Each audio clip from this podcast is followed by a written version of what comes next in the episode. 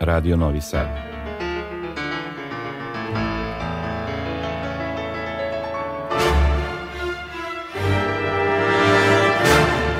Domaća muzička scena.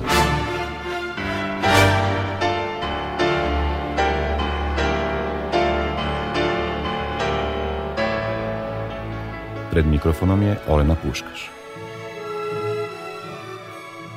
Dobroveče, želim vam na početku novog izdanja emisije. Pozivam vas da ostanete s nama do ponoći. Dešavanja u sferi muzičke kulture veoma su raznovrsna ove jeseni. Proteklog vikenda u Subotici i Novom Sadu održani su prvi internacionalni operski dani. Nešto ranije počela je 31. međunarodna tribina kompozitora u Beogradu.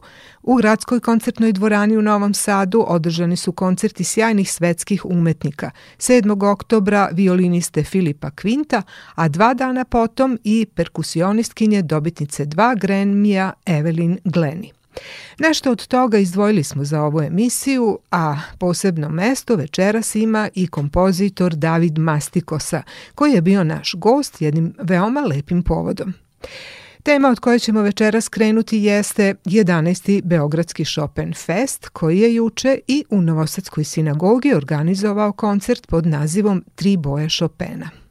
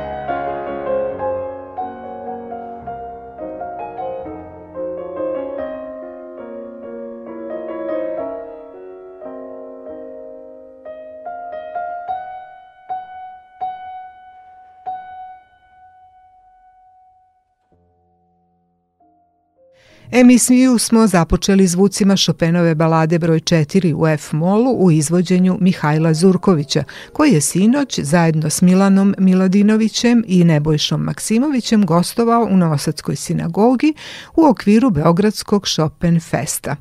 Pre koncerta porazgovarala sam s direktorkom te manifestacije Milenijom Reljić. Ove godine Beogradski Chopin Fest održava se po 11. put. To znači da ste vi kao organizator stekli značajno iskustvo, pa bih ja volila sada da kao neku vrstu uvoda vi bacite jedan pogled unazad i prisetite se sa kojim idejama, namerama i sa kakvom željom da ovaj festival ima misiju ste krenuli u organizaciju i kako je to teklo iz godine u godinu s obzirom na okolnosti koje baš i nisu išle na, na ruku uvek. Da, pa evo, momena da se prisetim početaka. 2012. sam bila na poziciji šefa oceka u muzičkoj školi Stanković u Beogradu i tada smo na oceku razmišljali da, da pokrenemo nešto u školi što nemaju drugi. Dakle, mnoge škole imaju takmičenja e, po kategorijama za različite instrumente i to je, da kažem, koncept jednoobrazan. Godište, program, minutaž. I onda smo došli na ideju da oživimo nekadašnju šopenijadu, koju je započela profesorka Jokut 90-ih i koja je zapravo bila revija tada, ajde da kažemo, najbolje dece, mladih talenata, srednjoškolaca i studenta. Pozvali smo profesorku Jokut, ona je dala podršku i 2012. smo napravili jedan dvodnevni događaj sa revijom mladih u Stankoviću i sutradan je bilo jedno jako lepo predavanje koleginice Tanje Vojnov, istoričara muzike. Onda smo krenule koleginice Ivana Mativić i ja da širimo priču dva dana, tri dana, četiri dana, pet dana, šest dana, pa tri ciklusa. 1. mart kada je Chopin rođen, april, proleće, glavni ciklus, pa smo radili čak i oktobar, vezujući se za 17. oktobar, datum Chopinove smrti. I do 2012. to je tako išlo. Od 2020. kada je zavladao virus, e, ja sam odlučila da održimo samo oktobarski ciklus, jer je bilo sve mnogo jednostavnije i to dva dana, ali bilo je uživo i bilo je publike i bili su lepi koncerti na Kolarci u Skupštini grada i u Italijanskom kulturnom centru. I evo, od prošle godine i sada evo ove 2022. festival opet traje 4, 5 ili 6 dana, ove godine od 10. do 15. Koncept je u principu e, suštinski isti kao pre 11 godina. Promocija mladih i vrhunskog pijanizma. Dakle, zrelih i ostvarenih pijanista iz naše sredine, e, bližeg i šireg okruženja. I to tako funkcioniše, evo, 11 godina za redom. Značajna pijanistička imena su nastupila na festivalu, a od prošle godine festival prezentuje programe i u Novom Sadu, Prošle godine smo imali u Galeriji Matice Srpske fantastičan koncert Tri dame, sviraju Chopina, to su bile Rita Kinka, Marija Đukić i Bilja Gorunović. Galerija je bila prepuna. Ove godine je koncept, da kažem, sličan. Imenovali smo ga tri boje Chopina i večeras će nastupiti takođe tri ugledna imena naše scene. Profesor Milan Miladinović, Mihajlo Zurković i Nebojša Maksimović. Ja očekujem da bude posećeno i uspešno kao i prošle godine.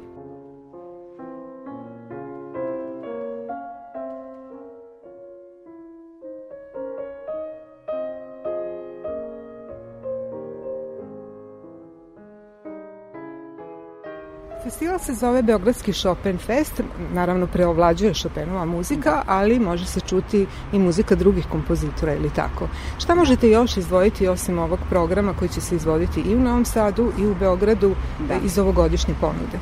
Rekla bih da smo sinoć imali fantastično otvaranje na Kolarcu. Svirao je kanadski pijanista francuskog porekla Charles Richard Amlan koji je 2015. E, dobio drugu nagradu na velikom Chopinovom konkursu u Varšavi, zapravo najvećem Chopinovom konkursu u svetu. On je bukvalno uzdigao sve nas u sali na jednu mnogo višu dimenziju. Dva bisa ovacije, bilo je fantastično. Večera smo u Novom Sadu. Sutra nastavljamo u novom prostoru, a to je kripta crkve Svetog Marka u Beogradu.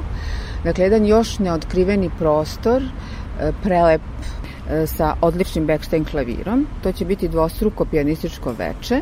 Najprije će u 18 časova nastupiti mladi srpski pijanista Vuk Božilović, koji će svirati Baha, Beethovena i Chopina i to će biti veče od Baha do Chopina, a potom veče kamerne muzike, kada ćemo opet imati priliku da čujemo uh, velika naša imena, to su Sandra Belić na violončelu, Ljiljana Vukelja i Olivera Radmanović pijaniskinje.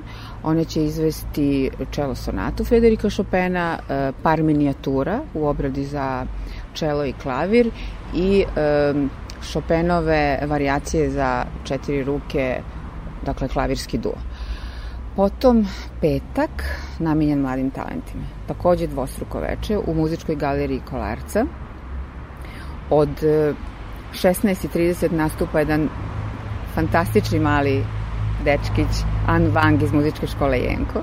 Zatim dolazi srednjoškolka Sara Jović iz Subotice i e, mnogobrojnih nagrada, da kažem, vlasnik, mladi pijanista Konstantin Konstantinović iz Banja Luke. I subota veliko zatvaranje, ponovo tri boje Chopina, ali opet u velikoj dvorani sa, nadam se, mnogobrojnom, odnosno brojnom publikom i taj koncert se naplaćuje. Ovi prethodni su besplatni.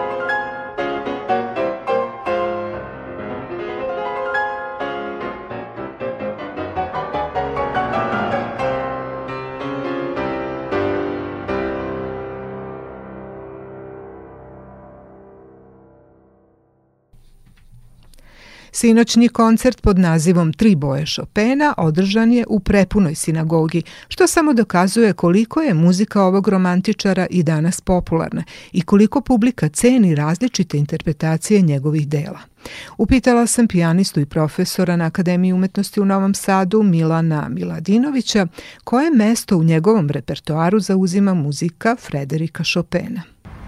Veoma značajno i veoma veliko. Naravno, njegova celokupna literatura spada u izuzetno atraktivne komade, tu su etide, prelidi kao minijature koji su veoma atraktivni, ali sa druge strane i kompozicije inspirisane raznim nacionalnim elementima koje je Chopin proslavio i na neki način u romantizmu postavio jedan novi standard sa svojim polonezama i mazurkama i primer koji su kasnije sledili list sa svojim mađarskim rapsodijama, Brahms i mnogi drugi, Vožak sa slovenskim igrama, na primer. Tako da, e, s te strane, Chopin je toliko bogat i interesantan da jednostavno mislim da je okosnica repertoara gotovo svakog pijaniste. Uh, ono što je takođe karakteristično, naravno, njegova lirika, nokturna, njegova dramatika koja se očitava pre svega u sonatama. Dakle, neverovatno bogatstvo emocija koje omogućava izvođačima najrazličitijeg profila da se izraze. S druge strane, moram reći naravno da uh, Chopin je postavio takve standarde da je na neki način mnogi kompozitori posle njega su se ugledali na njega. I Skriabin koji je kompozitor koga ja izuzetno mnogo izvodim ima mnogo dodirnih tačaka sa Chopinom tako da ponekad i kad svirate nekog drugog kompozitora e, to iskustvo koje imate e, svirajući Chopinova dela svakako mnogo pomaže e, dakle čak i kroz dela kasnijih epoha Večerašnji koncert se zove Tri boje Chopina. Da li možete reći koja boja predstavlja vaše viđenje Chopina? Ljubičast. Bez objašnjenja. Bez objašnjenja.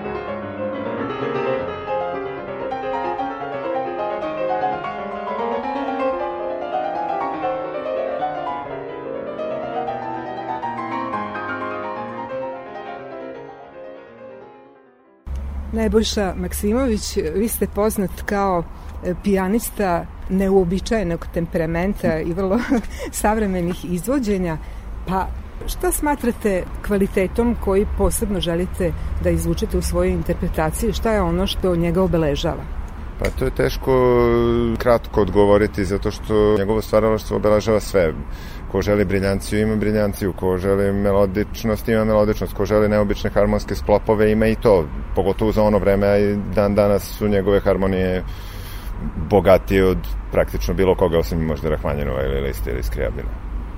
Mnogo se raspravlja o tome kako Chopina treba izvoditi. Postoje i specijalna takmičenja na kojima se to procenjuje. Koje je vaše mišljenje kako Chopina treba izvoditi, da li na neki modern način, da li što autentičnije? Pa znate kako, kad pričamo o autentičnom izvođenju, to je veoma nezgodan teren. Zašto? Zato što u to vreme kada su dela komponovana i Chopinova, a pogotovo ranih kompozitora, ali eto i Chopinova, klaviri su bili drugčiji, zvuk je bio drugčiji, ton za štimovanje je bio drugčiji, tako da potpuno autentičnost, osim ako nemamo potpuno autentične instrumente, ne možemo dobiti nikako te stoga svaka epoha donosi nešto novo, ali naravno neki, da kažem, 20-vekovni pristupi perkusivnosti i slično svakako ne mogu i niti bi trebalo se primene na Chopina, ali svako vreme u tom nekom smislu donosi nešto novo i zapravo svako izvođenje koje nije, da kažem, na originalnom instrumentu i svemu drugome, neka vrsta, da kažem, transkripcije i modernizacije. Sad, s time naravno treba biti pažljiv, jer Chopin je toliko, da kažem, van vremenska i muzika koju bukvalno svi znaju, pogotovo najpoznatija dela, da vi jednostavno nemate toliko prostora da napravite nešto što baš e, je preterano modernizovano da ne bi to ispalo kao karikatura, ali naravno da uvek ima prostora zato što, eto, kao što rekao, ne može se baš doći do potpune autentičnosti, koliko god to želeli. Koju boju biste vi predstavljali u ove tri boje koje ćemo večeras čuti? Ja pretpostavljam bi generalno predstavljao crvenu boju što se sviranja tiče, ali ajde, možemo da kažemo crvenu, eto.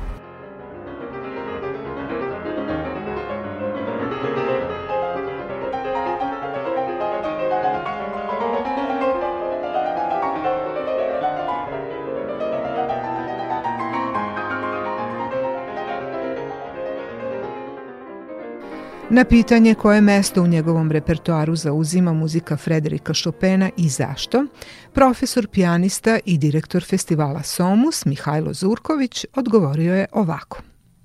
Chopinova muzika zauzima jedno značajno mesto u mom profesionalnom životu, a siguran sam i kod svih drugih pijanista. Znamo da je Chopin pisao isključivo za klavir, osim par nekih dela koje su napisane i za druge instrumente.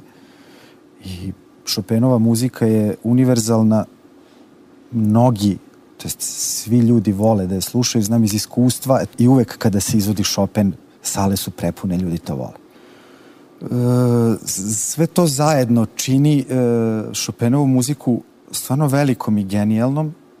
Nije isključivo virtuozni kompozitor, ali ima virtuoziteta. Sa druge strane, uh, on je pesnik klavira. Njegove melodije su sigurno najdivnije, najsavršenije, najprefinjenije u klavirskoj muzici i u stvari sve to zajedno čini muziku tako divnom i ja zbog svega toga u stvari volim Chopinovu muziku.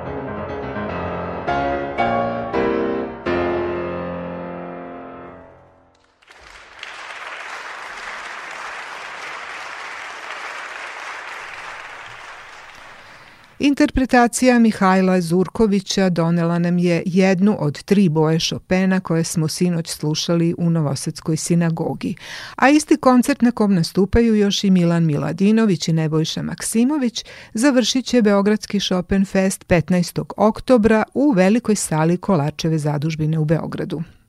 Domaća muzička scena. U sledećem segmentu emisije moj gost je kompozitor David Mastikosa, čija dela smo imali prilike poslednjih godina s vremena vreme da slušamo na domaćoj muzičkoj sceni.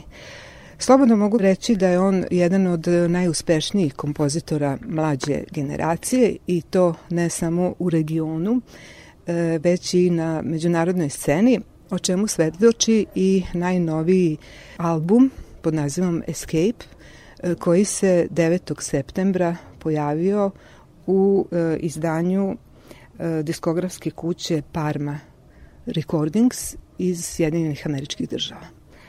E, to je zapravo konkretan povod za ovo naše gostovanje, pa Davide, dobrodošli u radio televiziju Vojvodine. Hvala vam na pozivu, bolje vas naša. Za one koji vas ne poznaju dovoljno, mogu reći evo odmah na početku da imate 30 godina i da ste svoje prve kompozicije objavili pre možda nešto više od 10 godina.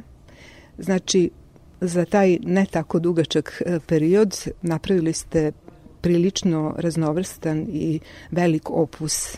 Za početak ispričajte nam kako ste uopšte ušli u svet muzike i odlučili da se bavite komponovanjem. Često sam pričao o tome i ima raznih, ovaj, raznih intervjua o kojima sam govorio o tome. Uh, uglavnom u, u porodici postoji neka tradicija ovaj, koji su se bavili muzikom, pa vjerovatno i, i otud je to i ostalo. Negdje pri kraju srednje škole sam se zainteresovao za, za kompoziciju. To je ključno bilo upoznavanje sa profesoricom Tatjanom Milošević-Mijanović, kod koje sam upisao osnovne studije na Akademiji umjetnosti u Banja Luci, tu sam završio i master studije i onda bi potom nastavio studije u Novom Sadu na Akademiji umjetnosti u klasi profesorice Aleksandre Vrebalov. Inače, ja svoj opus i, i, i kada pričamo o tome šta sam radio u prethodnom periodu, često volim da istaknem Novi Sad kao izuzetno važan grad, a, s obzirom da je moje prvo izvođenje koje je bilo izvan granica BiH bilo u Novom Sadu na jednom od seminara gde sam upoznao kompozitore sa kojima sam evo i danas ovaj, divnim odnosima koji su mi veoma bliski prijatelji. Tako da Novi Sad nekako ima izuzetno važnu ulogu u, u mom profesionalnom razvoju. E, to nam je jako drago i o tome ćemo pričati, ali evo sada, kao što sam rekla, e, konkretan povod za ovaj razgovor je ovaj album e, Escape, sa kojeg ćemo večeras i slušati fragmente, a radi se o digitalnom formatu albuma koji se može naći na nekoliko platformi, ili tako. Hajde malo nam objasnite kako ste ušli u taj projekat, kako ste se našli u izboru jedne takve diskografske kuće, čak preko okeanske. Pa, moj kontakt sa Parma Recording s kućom traje već sigurno četiri godine. Uh, dugo smo razgovarali o, o mogućnosti da se uradi taj CD, međutim bili su potrebni sponzori i bili su potrebni određena novčana sredstva kako bi to realizovali. Uh, ključno je bilo to što nas je snašla pandemija i što su se mnogi umjetnici tada, odnosno konce, umjesto koncertne neke prakse okrenuli tome da razmišljaju kako mogu da plasiraju u suštini uh, nekim online izdanjima svoje, svoj rad. Tako da ovaj produkt, ovaj, zapravo ovaj CD je produkt tog nekog stanja u kom smo bili ovaj, 2020. godine, kada sam po prvi put sa producentkinjom albuma Sonjom Đurica, kojom sarađujem na projektima, razgovarao o mogućnosti da, da, da uđem u taj projekat. Uh, moram da priznam da se to činilo tad poprilično nemoguće, međutim, Asocijacija muzičkih kompozitora BiH AMUS, grad Banja Luka kao i Ministarstvo prosvete i kulture je odlučilo da pomogne i financijski podrži realizaciju tog albuma, tako da smo evo tek 2022. uspjeli da završimo taj projekat. Večeras ćemo pokušati i izborom fragmenata s tog materijala da prikažemo spektar muzičkih ideja i umetničkog izraza kojim se služi moj gost David Mastikosa. Za početak sam se odlučila za fragment kompozicije The Tune, koja je, kako autor kaže, posebno namenjena mladim pijanistima koji žele da naprave prvi korak u istraživanju novih zvukova koji se mogu proizvesti unutar instrumenta. U tu kompoziciju ubačen je i kratak fragment Bachove muzike.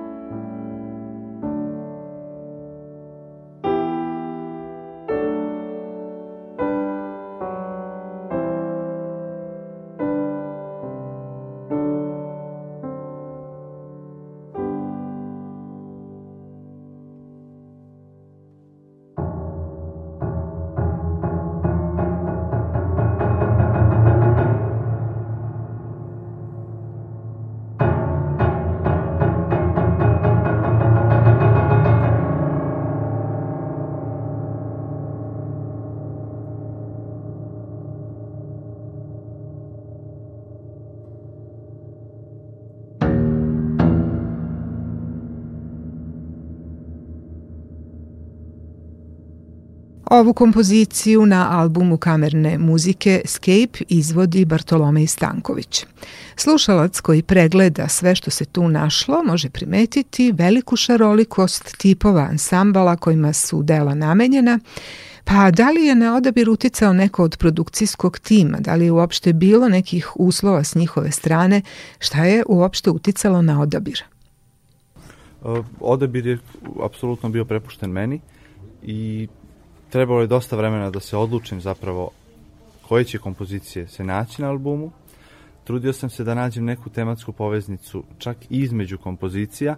Trudio sam se da prikažem jedan malo širi uh, moj, moj širi pristup muzici. Uh, kompozicije su dosta različite. Uh, takođe htio sam jedan uh, opseg od nekih 4 do 5 godina unazad m, da prikažem i u suštini kroz taj album može da se vidi nekako i moj razvoj. Odabrao sam one kompozicije koje smatram naj, najuspješnijim, najinteresantnijim i meni najdražim.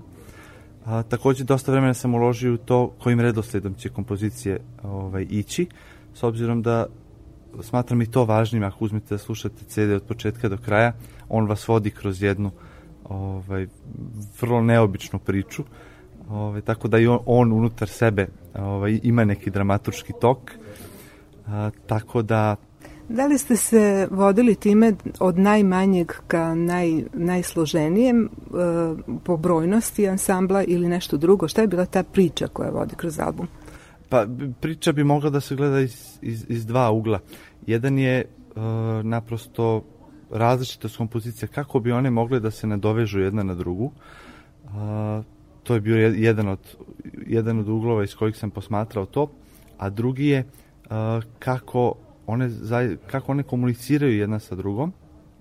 Naravno, Escape je prva, prva kompozicija na albumu, uh, jer je nekako nastala je mnogo prije svega toga, ovaj, ali u ovom razmišljanju, u, u, u, u to vreme 2020. mnogi od nas su samo, ja mislim, maštali o tome da, da pobegnu iz te situacije, da, da to već jednom prestane i onda mi se učinilo da bi Escape, koji nema veze s tim, mogao ovaj, da projektuje to, jer ideja kompozicije Escape je i, i program koji sam napisao jeste da stvarno od mnogih stvari možemo pobeći, ali ne možemo pobeći od, sa, od samoga sebe, a mnogi to i pokušavaju, ali zapravo je veoma teško.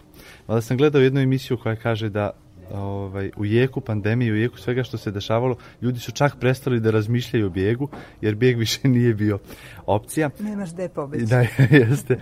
Ali uh, nekako je taj naslov islojevit, zato što uh, u suštini tim albumom nudimo bijeg, odnosno ulazak u neki malo neobičniji svijet, u nekih sat vremena, tako da smo, ovaj, odnosno ja sam posmatrao to kao jedan iskorak u nešto što je neobično, što je možda bijeg od neke svakodnevnice i u nešto što ne možete svaki dan da čujete i što možete sebi da priuštite da, da, da uđete u neki svijet koji možda ne, ne biste slušali i ne sluša se svakodnevno i ne vrti se na radiju, stanicama i slično. Odlična je ideja e, pobeći od ove stvarnosti koja nas okružuje u, u neki svet mnogo lepši svet e, našeg unutrašnjeg e, života. E, pa kad već pominjemo tu naslovnu kompoziciju Escape, recite nešto o njegovom izvođaču.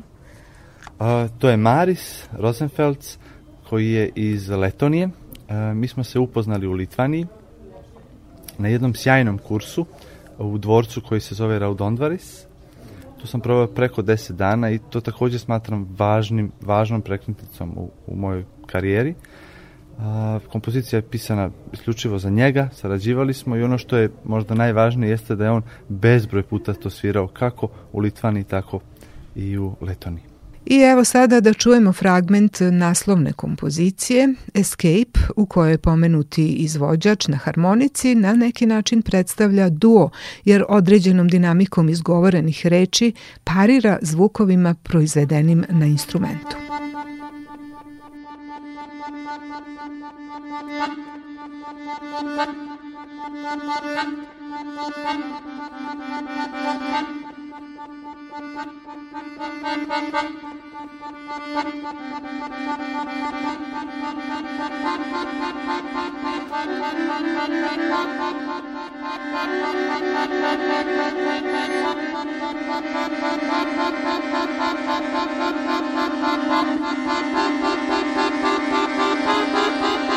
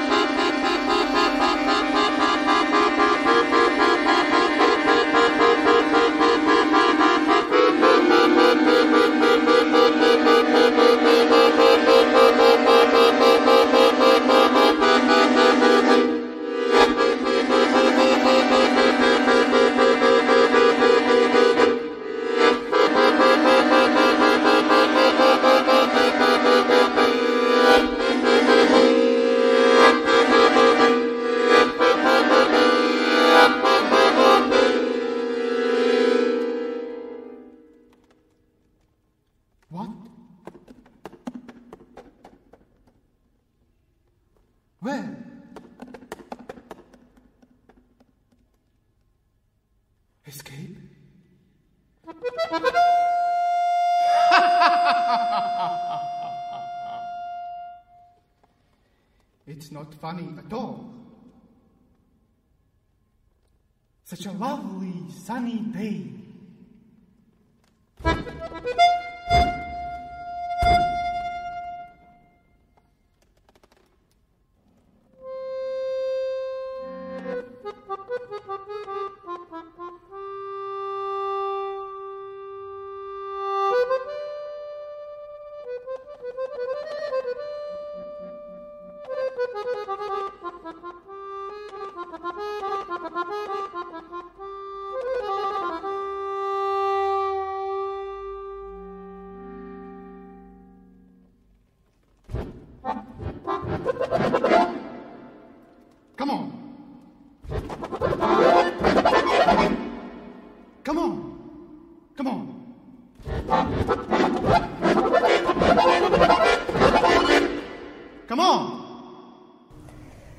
Večera slušamo fragmente s albuma Escape, koji se, kao što smo rekli, u septembru pojavio u izdanju diskografske kuće Parma Recordings iz Northamptona u Sjedinjenim američkim državama. E, vidimo da ta dela izvode razni izvođači iz više zemalja. Recite nam o tome gde je materijal sniman, da li je to ranije snimano na različitim mestima, Materijal je sniman na različitim lokacijama, s obzirom, kao što možete da vidite na albumu, izvođači su stvarno iz, ove, ovaj, sa raznih strana svijeta, tako da su o, snimci u suštini tako i dolazili od njih.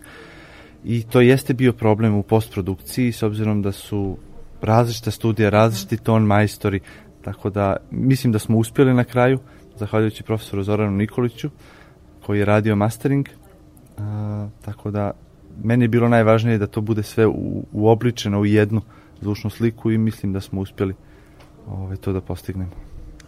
Recite mi nešto o saradnji sa izvođačima. Da li uh, ste vi uh, spremni na to da utičete na to kako će oni čitati vaš notni tekst, da dajete nekakva uputstva ili smernice ili možda puštate da oni to protumače na svoj način.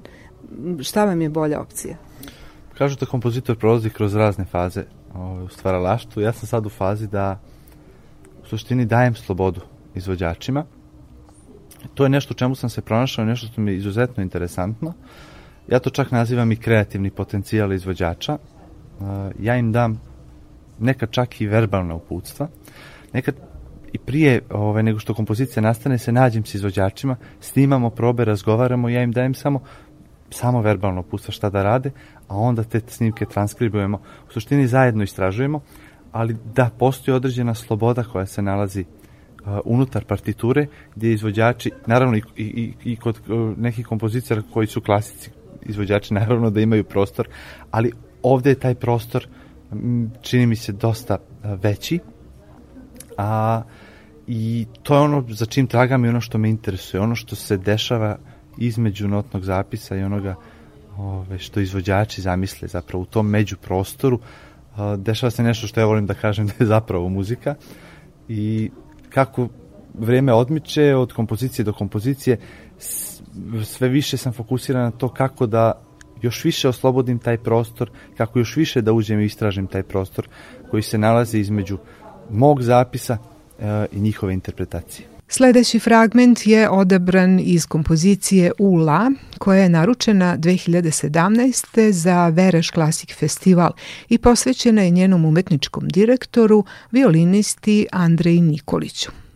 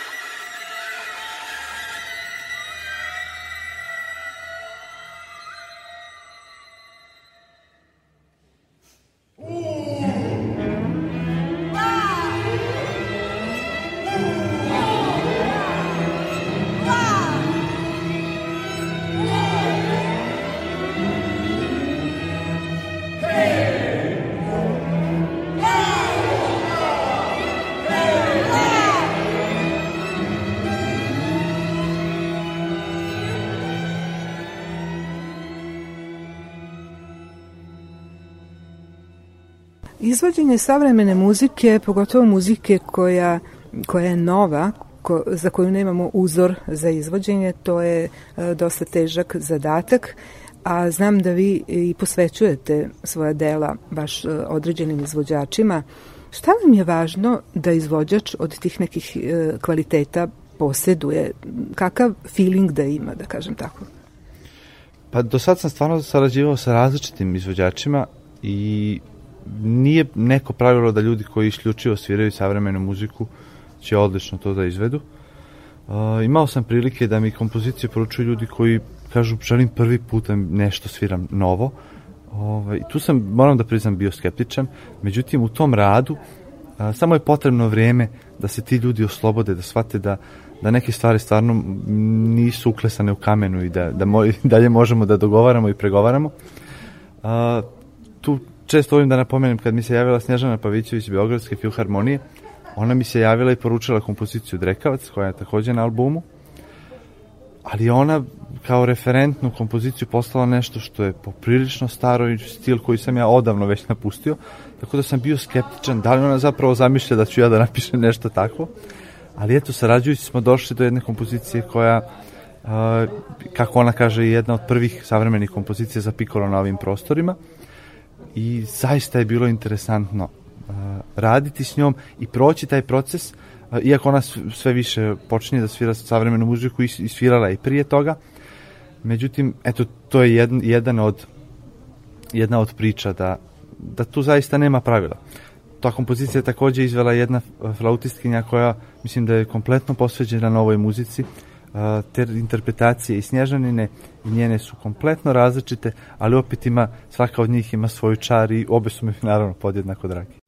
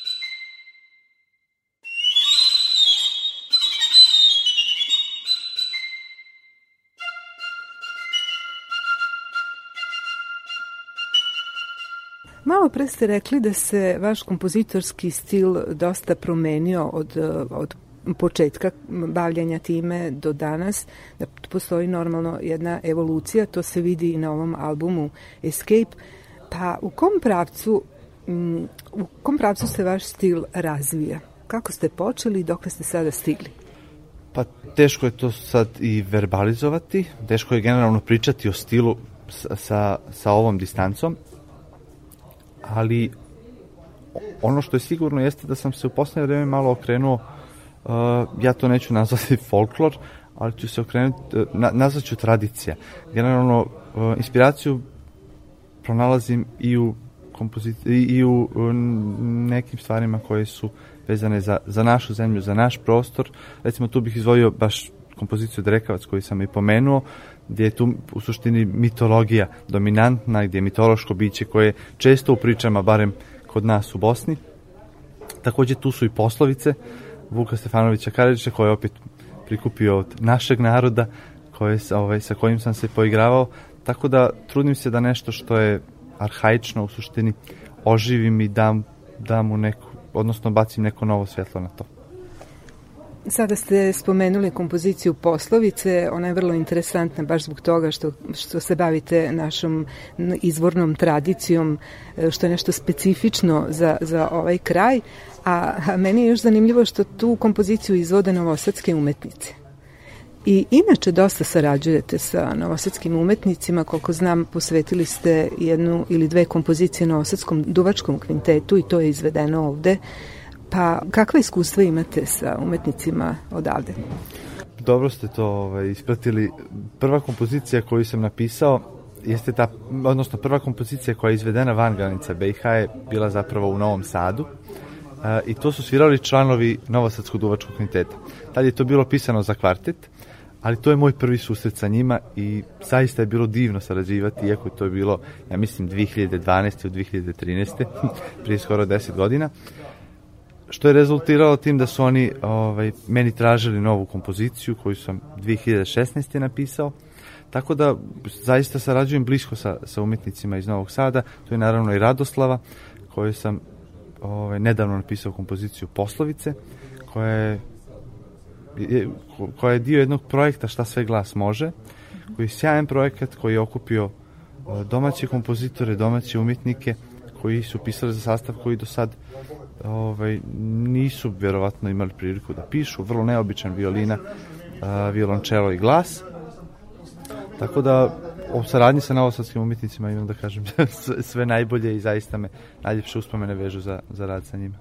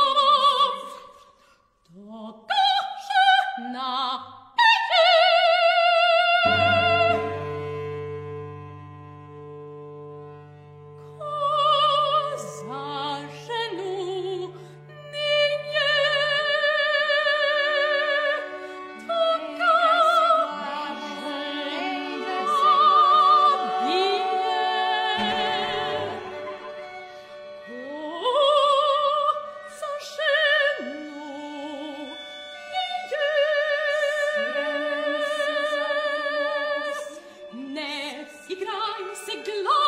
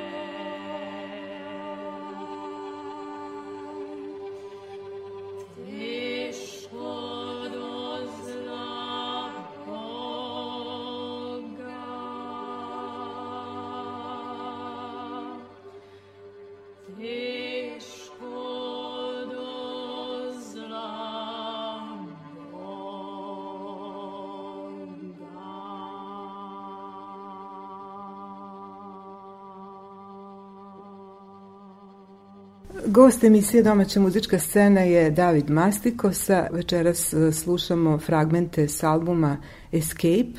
Rekli smo da je reč o digitalnom izdanju.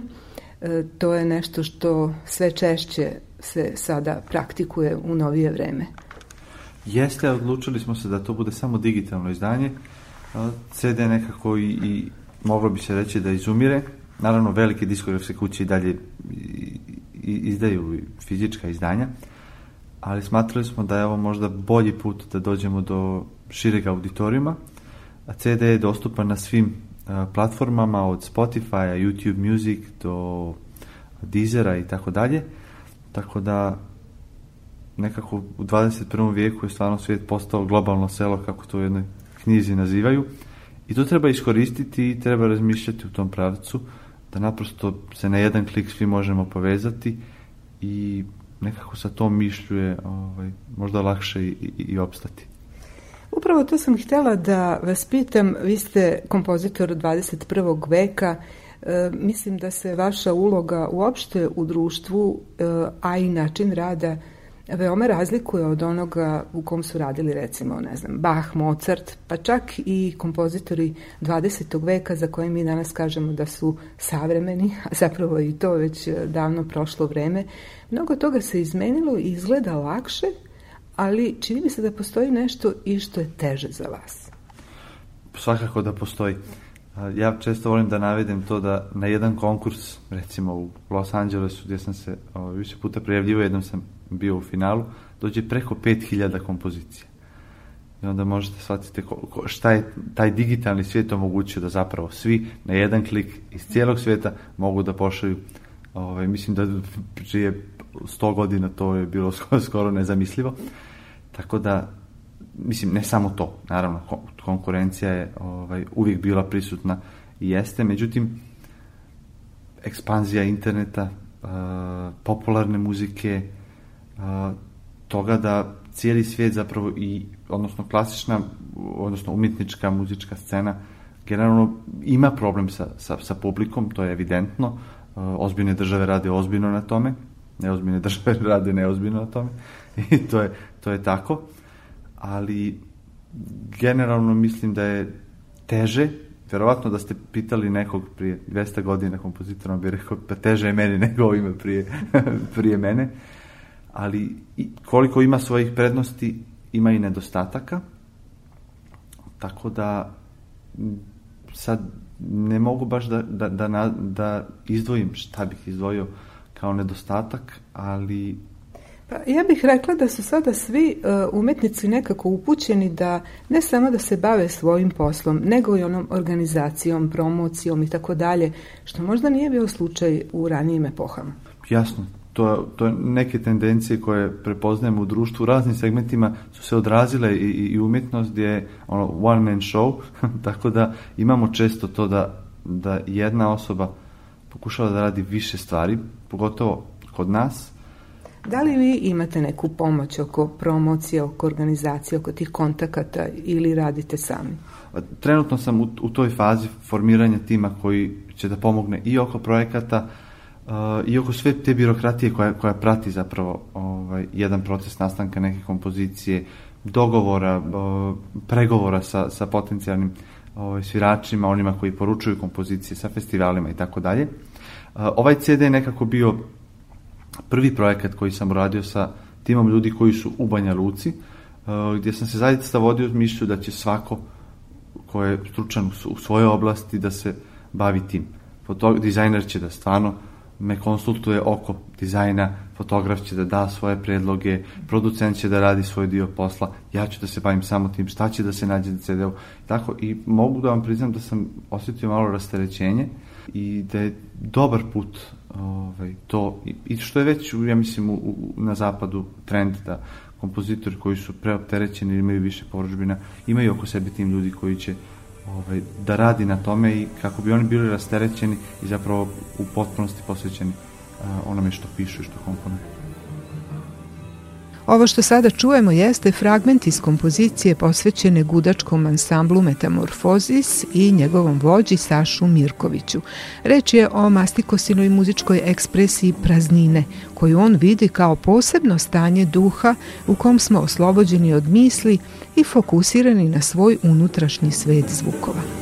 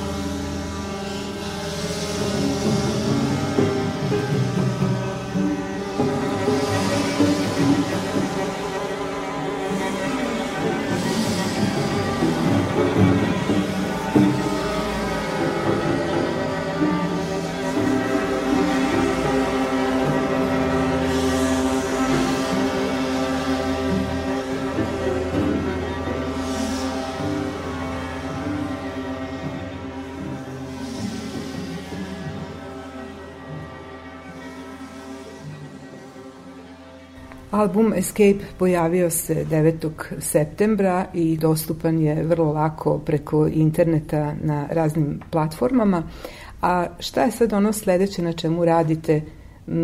Na doktoratu ste? oko čega ste tu angažovani? Jeste, još je ostalo samo da, da završim doktorat, odnosno da napišem kompoziciju, zapravo operu, pišem kamernu operu po motivima teksta Milorada Pavića, a, višnja sa zlatnom košticom. A, trenutno sad radim na tome, to je čini mi se dug i bit će dug i spor proces. A, preko godinu dana sam samo se bavio libretom, ali iz razloga što sam htio da zaista to bude a, što, što kvalitetnije urađeno, a, nije baš jednostavno uzeti tekst Milorada Pavića pa sa njim uraditi bilo šta, pogotovo napraviti libreto. Ne zato što je tekst zahtjevan, već zato što to nosi određenu dozu odgovornosti. Tako da mislim da sam naravno uz pomoć uh, profesorke Aleksandre Vrebalov, uz pomoć dramaturga uh, Milana Gajića u Banja Luci, uh, uspio da završim i da uradim sa sigurnošću mogu da kažem izuzetno kvalitetan libreto koji mi je zaista važan predložak za sve, odnosno osnova za sve ono dalje na čemu ću da radim kada je u pitanju ta opera. Nadam se da će sredinom 2023. opera biti završena i premjerno prikazana. Uh, plan je da to bude i Bosna, i Srbija, i Crna Gora. Probat ćemo, uz tim ljudi nadam se da, da će to biti moguće realizovati.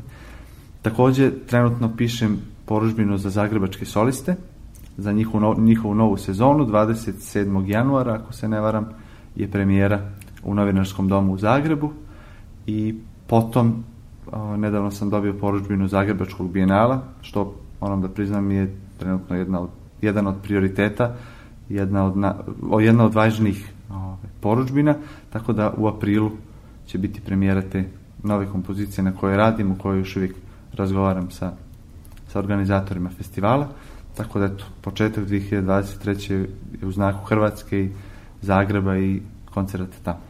To su sve jako lepe informacije. Pa evo, meni ostaje da vam poželim puno uspeha, da sve bude onako kako ste planirali i još bolje. Hvala. I sada ćemo ovaj razgovor s kompozitorom Davidom Mastikosom završiti onako kako je i on završio svoj album. Dakle, kompozicijom Nukleus koja je napisana za Balkanski omladinski orkestar odnosno projekat Podgoričkog udruženja za džez umetnost. Premijerno izvođenje ove kompozicije bilo je 29. aprila 2021. u Kulturno-informativnom centru Budo Tomović u Podgorici u okviru obeležavanja Međunarodnog dana džeza. U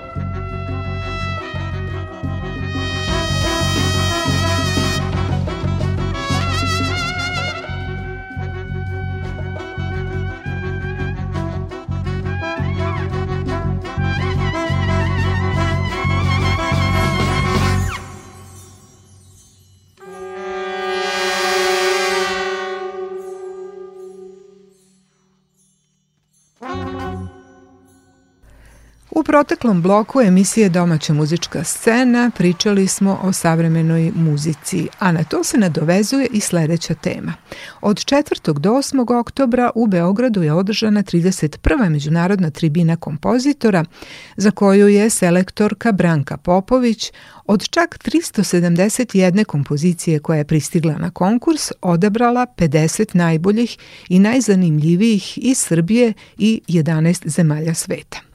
Odabrana dela čine pregled najnovijih ostvarenja domaćih stvaralaca i izbor reprezentativnih primera različitih aktuelnih pravaca savremene muzike u svetu. Ove godine u fokusu su bile kompozicije za kamerni orkestar, kao i one sa upotrebom elektronskog medija. Na ovogodišnjoj tribini na osam koncerata učestvovalo je blizu stotinu izvođača koji su posvećeni interpretaciji savremene muzike i koji su stalni saradnici tribine kompozitora. To su ansambli Metamorfozis i Gradilište, dok su kompozicije za kamerni orkestar izvodili gudači Svetog Đorđa uz gosta dirigenta Ivana Josipa Skendera i brojne soliste.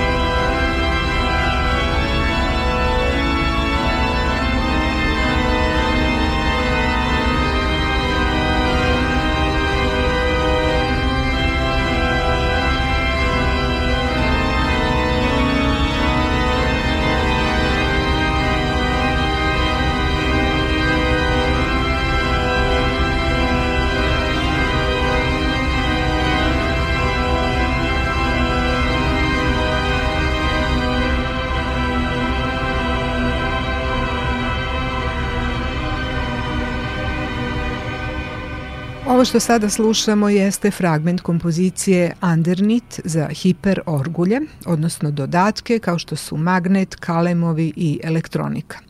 Njenoj autorki Jasni Veličković je ove godine na svečanom otvaranju tribine kompozitora uručeno priznanje za najbolje premijerno izvođenje ostvareno prošle 2021. baš za ovu kompoziciju.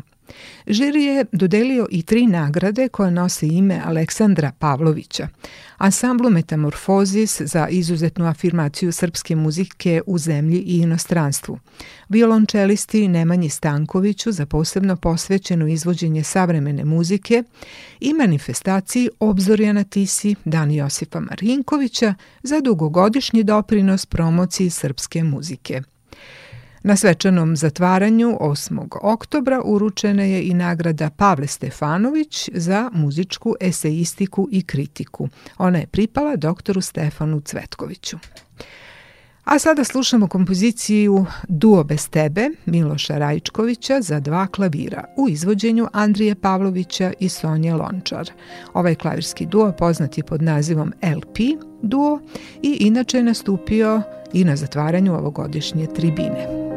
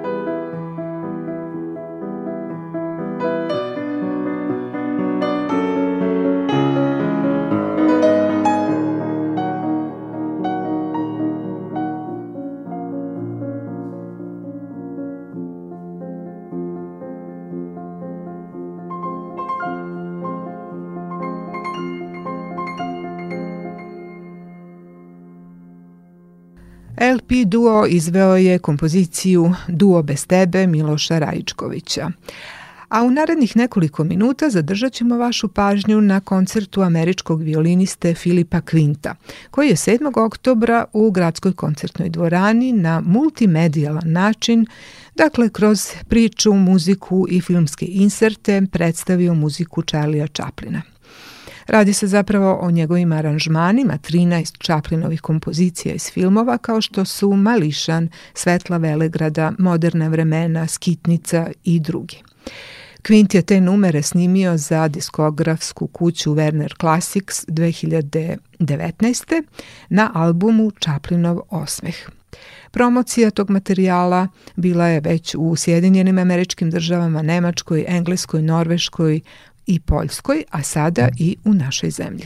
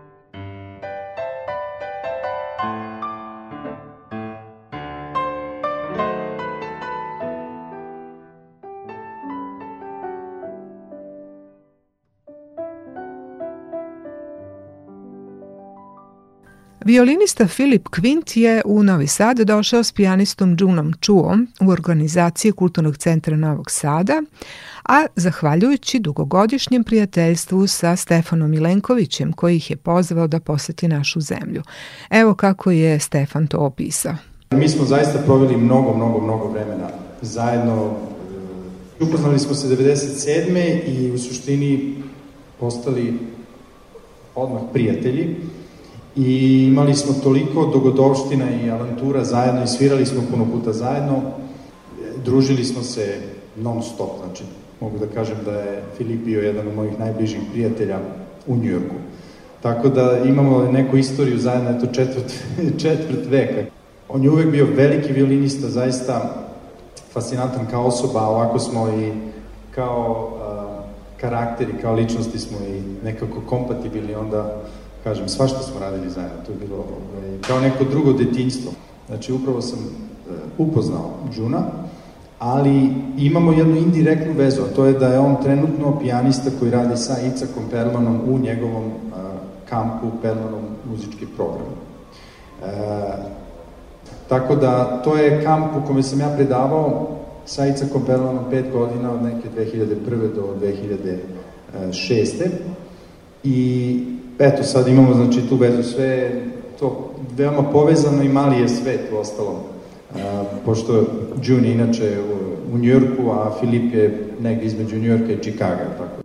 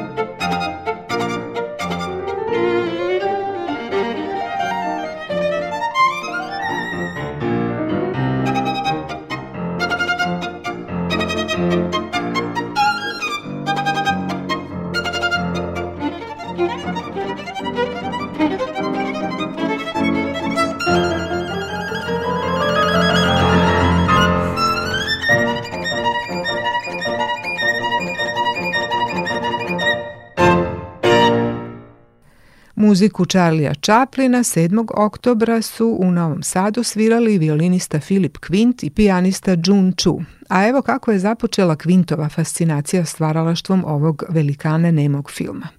The program started probably in 2016 from 2016. započeo ovaj projekat kada sam ja na YouTube uspeo da pronađem klip, um, snimak uh, sa um, aranžmanom gospodina Čaplina za pesmu Smile koja se naziva Osmih i onda sam odatle zapravo uh, našao inspiraciju za sve ovo što sada se dešava. Director was credited Charlie Chaplin upon discovering that Charlie Chaplin.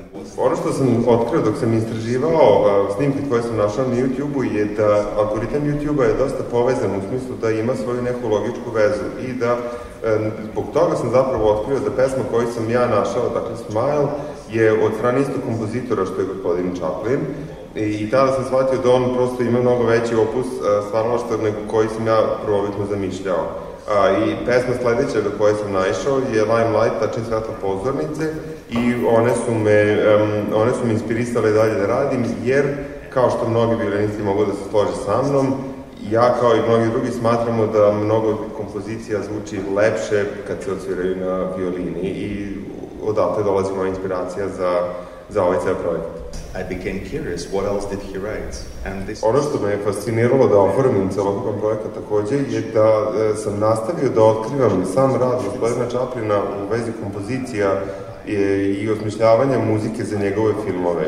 Zapravo to što ja nisam znao kao ni većina gledalaca njegovih filmova je da zapravo da je on bio glavni kompozitor, iako je on imao ljudi koji su radili aranžmane i pisali muziku i dalje je gospodin Chaplin bio taj koji je bio glavni idejni tvorac i glavna osoba koja leži iza inspiracije i to je upravo ono što i mene takođe inspirisalo da nastavim rad na, na projektu i da se posvetim ovom. U početku to što sam um, našao je 13 pesama koje je Chaplin, koji on bio kompozitor, um, i tu sam počeo da otkrivam zapravo koji su svi uticaji bili veoma važni za njegovo stvaralaštvo. Dakle, taj čovjek ne samo da je bio producent i ne samo da je bio režiser i ne samo da je bio glumac u svojim filmovima, već je on takođe dirigovao i celokupnom muzikom koja se pojavljivala u filmovima.